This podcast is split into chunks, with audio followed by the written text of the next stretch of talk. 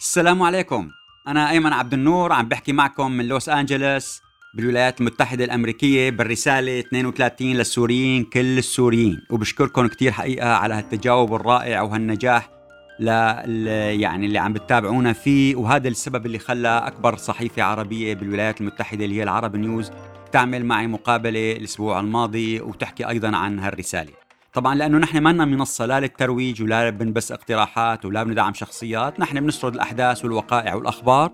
وبنذكركم إنه دائما please لحتى نقدر نستمر كمان وزيد العدد إنه تشاركوا ال Apple Podcast، ال Google Podcast، موقع راديو الآن.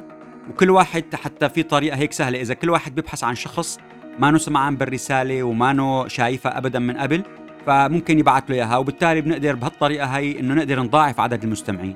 على الأقل نقدر نلاقي شغلة إنه نخلي السوريين كل السوريين وين ما كانوا يكونوا يعني يكونوا مبسوطين أو عم بيتابعوا شيء واحد حتى لو كان صغير مثل هالرسالة.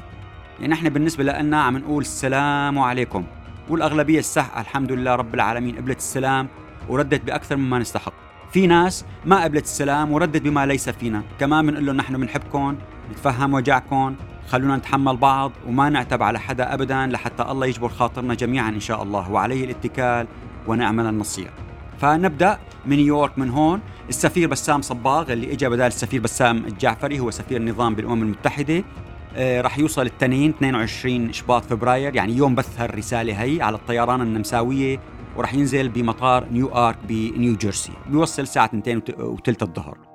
هلا السابق بشار الجعفري صار نائب وزير خارجية وأقسم أمام رئيس النظام واستلم منصبه. حزروا مين اجى أول مين بارك له من العرب خلينا نقول مو من السوريين. السفير أنور عبد الهادي اللي هو مدير الدائرة السياسية لمنظمة التحرير الفلسطيني. طيب ليش؟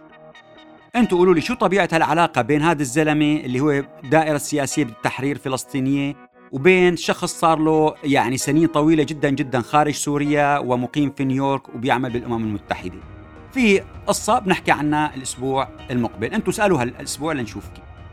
نطلع من نيويورك على واشنطن حقيقة بشكل مفاجئ أعلن السيد وزير الخارجية أنتوني بلينكن تثبيته للسيدة إيمي كوترونا بمنصبها اللي هو آه، نائب مساعد وزير الخارجية وأيضا كلفها بأنه تقوم بأعمال الممثل الخاص لسوريا. طبعا هذا إجراء إداري ذكي جدا جدا من, من الوزير وأجى بوقته تماما.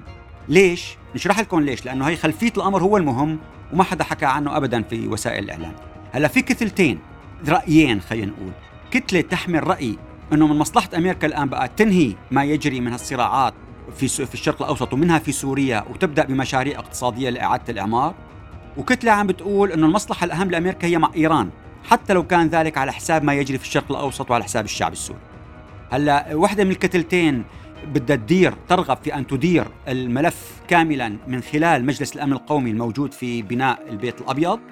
وكتلة عم تقول لا خلينا نخليه مثل ما كان عم يندار خلال آخر ثلاث أربع سنين اللي هو عن طريق ممثل خاص وعنده صلاحيات كبيرة بالخارجية.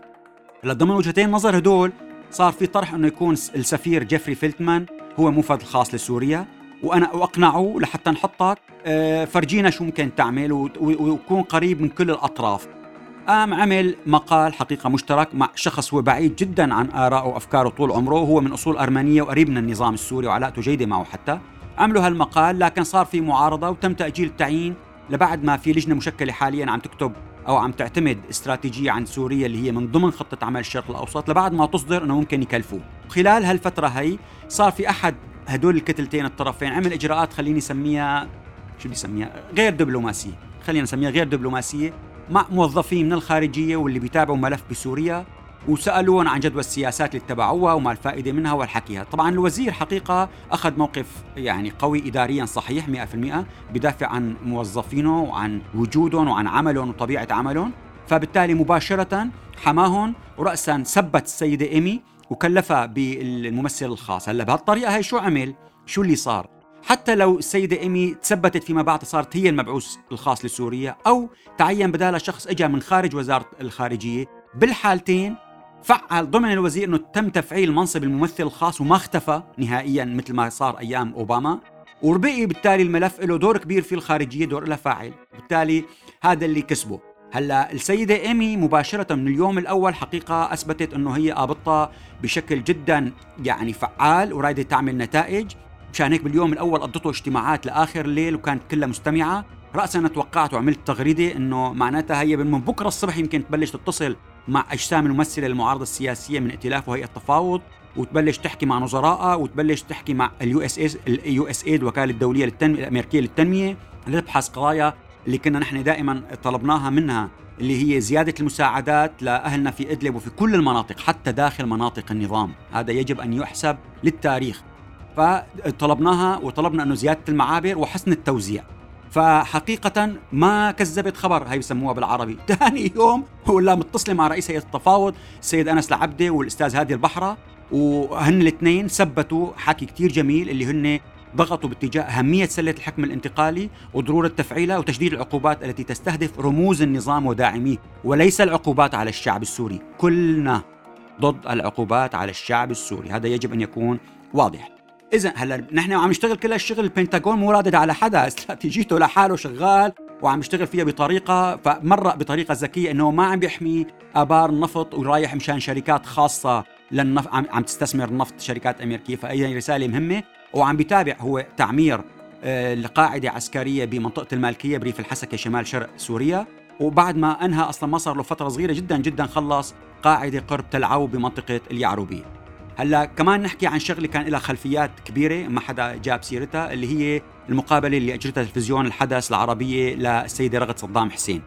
هلا صار في تقييمات لبعد ما انبثت المقابلة قالت إنه كان لها فعلا هيبة وتمتعت بذكاء وخبرة شديدة باختيار الكلمات بالتوقف عن إعطاء معلومات حتى لو ضغط عليها المذيع بإرسال رسائل عتب لقاضي عرب لكن باحترام ودبلوماسية بينت إنه هي من بيت سياسي عالي المستوى وذات خبرة سياسية عميقة.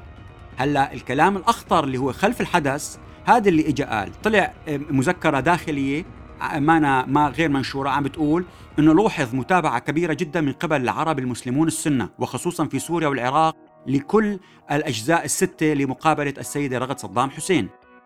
وهذا من شأنه تخفيف إمكانية استقطابهم من قبل رئيس غير عربي. هن عم بيشيروا بمعنى بين قوسين اللي هو الرئيس التركي السيد رجب طيب أردوغان لأن المسلمين العرب السنة يبحثون عن قائد يمثلهم ويشعرون أنه يدافع عنهم بعد انهيار العراق ومقتل صدام الحسين ويفتخرون أنه حقق إنجازات. لذلك أثبتت رغد أنها قادرة أن تكون ذلك القائد الذي يبحثون عنه. هذا كلام كبير. وهذا بده يكشفه الزمن. ما دام صرنا بالعراق نط ناخذ السيارة على الشام. حقيقة في يعني شيء يعني أنا ما قدرت أستوعبه. إنه النظام الآن بالنسبة للانتخابات يحاول أن يقوم بها على أساس إنه ليس النظام يحاول أن يترشح لكن يطلب منه الترشح وأقحم أطفال المدارس الابتدائية. تم تبليغ مدراء المدارس إنه يحطوا على السبورة للطلاب المدارس إنه سوريا من غيرك ما بتصير. وبينشدوا هذا النشيد في باحات المدارس بوجود كل الأساتذة وبصير كل الموظفين بيطلبوا مثل بيعملوا تجمعات وبيحكوا وبيطالبوا إنه من من رئيس النظام إنه هو يترشح وهو بعدين بيقول أنا بناء على هذا سوف أقبل ترشيحكم، طبعا الناشطين لازم يعملوا حقيقة بيان وعريضة للأمم المتحدة لعدم إقحام الأطفال بالسياسة وهن صغار لأنه هذا حقيقة مخالف للقانون. صار في اعتقالات بالساحل بالجملة صار في الأسبوع الماضي عمل اجتماع رئيس النظام مع 50 شخصية علوية من مهندسين ودكاترة وأساتذة جامعات واتفقوا أن يوصلوا رسالة واحدة كل واحد بالضيعة تبعه ويقول التالي إنه أنا رح أقود دبابة وبدهس الناس ان خرجوا ضد بشار وبالتالي خوفوا الناس ويرعبوها لحتى ينزلوا ينتخبوا. هذا الشيء أيضا يعني ترافق مع آه، وضوح لقوات النظام السوري بمحيط مدينة الباب بريف حلب الشرقي. في ناس خايفة أنه يقتحم عسكريا لحتى يعزز شعبيته هنيك وقدام الناس يقول ليكم نحن بصراع وكذا ونزلوا انتخبوا وفي إرهاب ضد الإرهاب ويخوفوا من القصة هي لكن في ناس طرحت طرح طرح خفي. قالت هو ما مضطر يعمل عسكري هو ممكن يفجرها من الداخل. كيف؟ تفضلوا اسمعوا.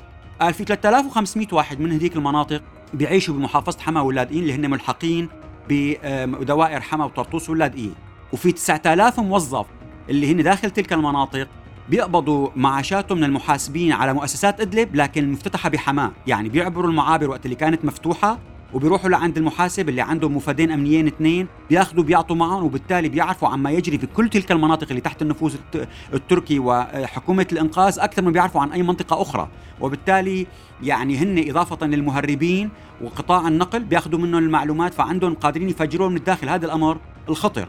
هلا نحن من خمس حلقات حكينا عن تخوف النظام من عدم شرعية الانتخابات لأنه ما رح يقدر يحط الصناديق الانتخاب إلا 60% في 40% خارجها اللي هي مناطق تبع قسد والنفوذ التركي واللي بتضم ثلاث محافظات الحسكة والرقة وإدلب. فهو إدلب عم بيقدر يخرجها إنه نحن هنيك في إرهابيين وقتلوا وضربوا ما بدنا إياهم رغم إنه في 4 ملايين ونص سوري هنيك آه، جالسين. لكن هو بيهمه الحسكة والرقة تحت قسد يحط صناديق انتخاب مثل ما عمل بصناديق الانتخاب بانتخابات مجلس الشعب الفائت.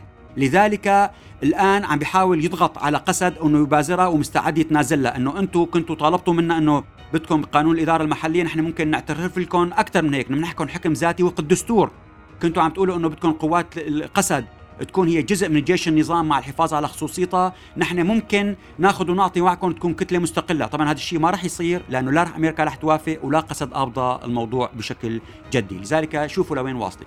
هلأ في حديث عم ينحكى انه سوريا أفضل الحلول هو اللا حل يبدو لأنه المتضرر هن السوريين. الشعب داخل سوريا وخارج سوريا من الموالاة ومن المعارضة.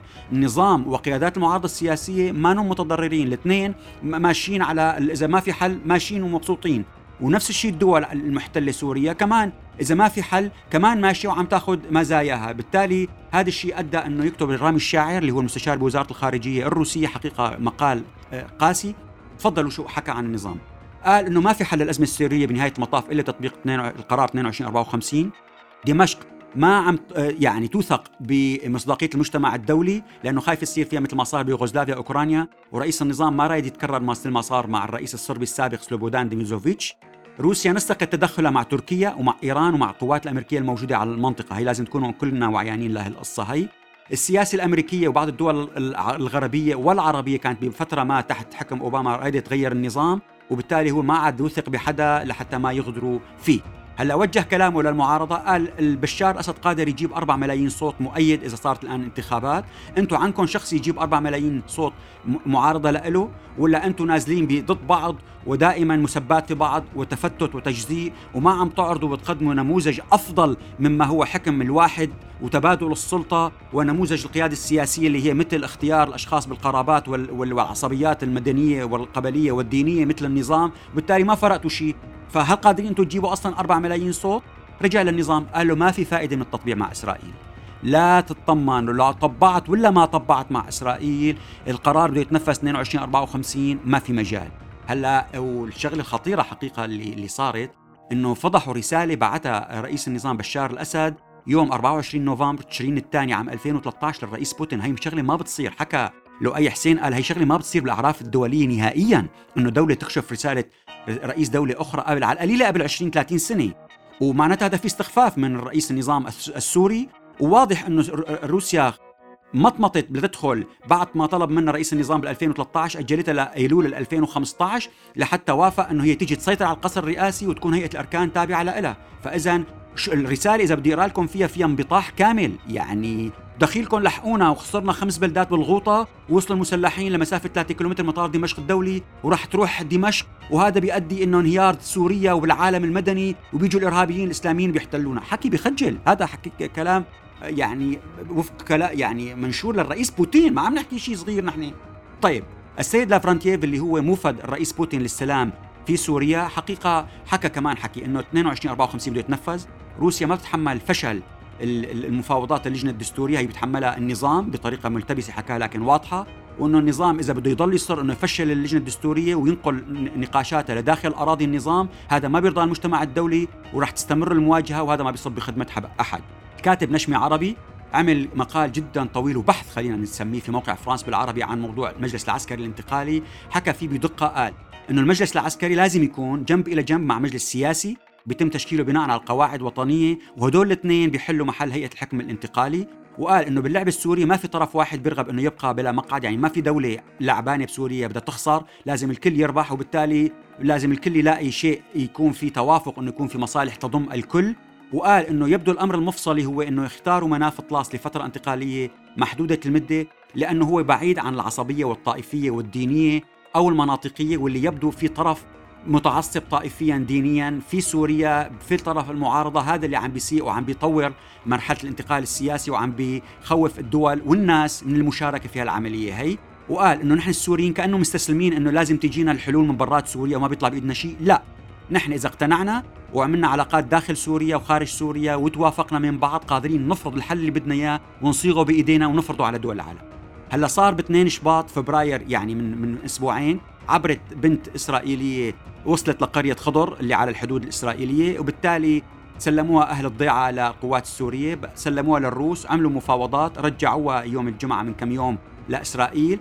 أخذوا بدالها النظام السوري كان طلب إنه يطلقوا صلاح دياب قهموز اللي هو متهم بكان بده تفجير لصالح حزب الله. والاسيره نهال المقت التنتين رفضوا يغادروا إسرائيل. وإنه يروحوا لقرية الغجر. قال لا بنضل بإسرائيل ما بدنا نروح على على سوريا عند مناطق النظام. أطلقوا راعيين صار في حكي إنه في آه، اعطوهم كورونا آه، يعني جرعات ضد كورونا لهذا فقال هذا الحكي اطلقوا النائب العربي بالكنيسة الاسرائيلي أحمد طيبي وعمل تغريدة بهالشيء لكن ما في شيء مؤكد. هلأ بصوامع شركراك بريف الرقة توصلت روسيا وتركيا لاتفاق لأنه فيها كان حوالي عشرات آلاف الطونات من الشعير وكانت مانا تابعة لأحد. يعني منطقة كانت تماس. وبالتالي اتفقوا إنه يعطوا 51% لمناطق اللي تحت النفوذ التركي 49% يوزعوها بين قسد ومناطق النظام وإجت السيارات وحملت هالشعير وبعتته. هلأ طلال سلو نبش صندوق أسرار الإدارة الذاتية وكيف عم يتحكم فيها ال PKK وصار في اجتماع للمجلس التشريعي بالمركز الثقافي بالرقة بمناسبة عيد الحب اللي هو 14 إشباط. فبراير قال نزلوا وطالبوا وما بدهم ياكلوا ومطالبة بحرية أوجلان. أيضا صار في بالنسبة لأسيتانا صار في استياء جدا من نتائجها والحركة الوطنية الديمقراطية وكثير من قوى المعارضة وعملوا بيانات وعرائض ضد حقيقة الوفد اللي اللي ادعى إنه يمثل المعارضة السورية وقالوا له انت بتمثل أشخاصك ونفسك لا يتبناك أحد ولا يدعمك أحد لذلك أرجو إنه لا بقى تحطوا الكلام إنكم أنتم تمثلوا المعارضة السورية وشيلوا هالقارمه هي والبيان حقيقة والعريضة كسبت تأييد اعداد كبير من الناس. هلأ بالنسبة للناجحين فعلا الصحفي السوري هادي الخطيب بيض الوجه حطوه بقائمة مجلة تايم لأحسن 100 شخصية يتوقع أنه يلعبوا دور مؤثر في المستقبل في العالم لأنه هو اللي آه، عمل توثيق لكل الجرائم اللي قام فيها النظام في سوريا ضد الشعب. أيضا الطفلة ميرال حسون عملت أغنية جدا جميلة للأطفال وللمخيمات وللاجئين. يعني حقيقة بتبكي ورائعة جدا نحن بنهنيها. مجلة Jazz News الفرنسية حطت صورة الشابه السورية الموسيقية نيسم جلال ابنة مدينة كفرنبل الرائعة جدا على غلافها. وبنقول لها ألف مبروك هالنجاحات المتميزة بمهرجانات الجاز العالميه أيضا السيدة الصبية ريم الحاج الحمصية اللي هي عايشة الآن بهولندا عم تعمل على يوتيوب برنامج جدا جميل. عن بتقدم فيه نصائح للتحسين من الصحة الجسدية والنفسية وصار عندها متابعين عدد كبير. أيضا الشاب شادي الربيع أحد يعني عمل قصص نجاح جدا رائعة بمدينة الرقة السورية. فبنقول لهم كلهم ألف مبروك.